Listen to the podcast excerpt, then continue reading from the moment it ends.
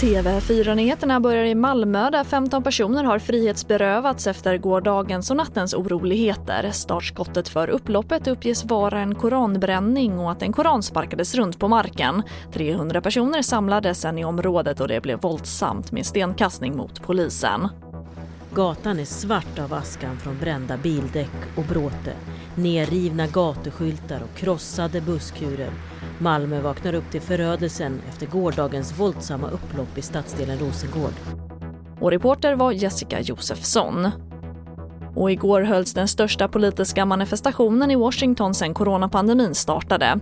Black Lives Matter-rörelsen samlade tiotusentals människor i protest mot polisbrutalitet och övervåld. En knapp vecka efter den senaste uppmärksammade skjutningen av en svart man.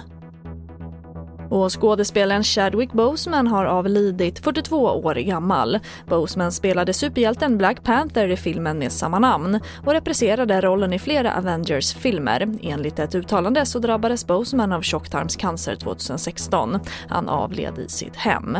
Och det får avsluta TV4-nyheterna. Jag heter Charlotte Hemgren.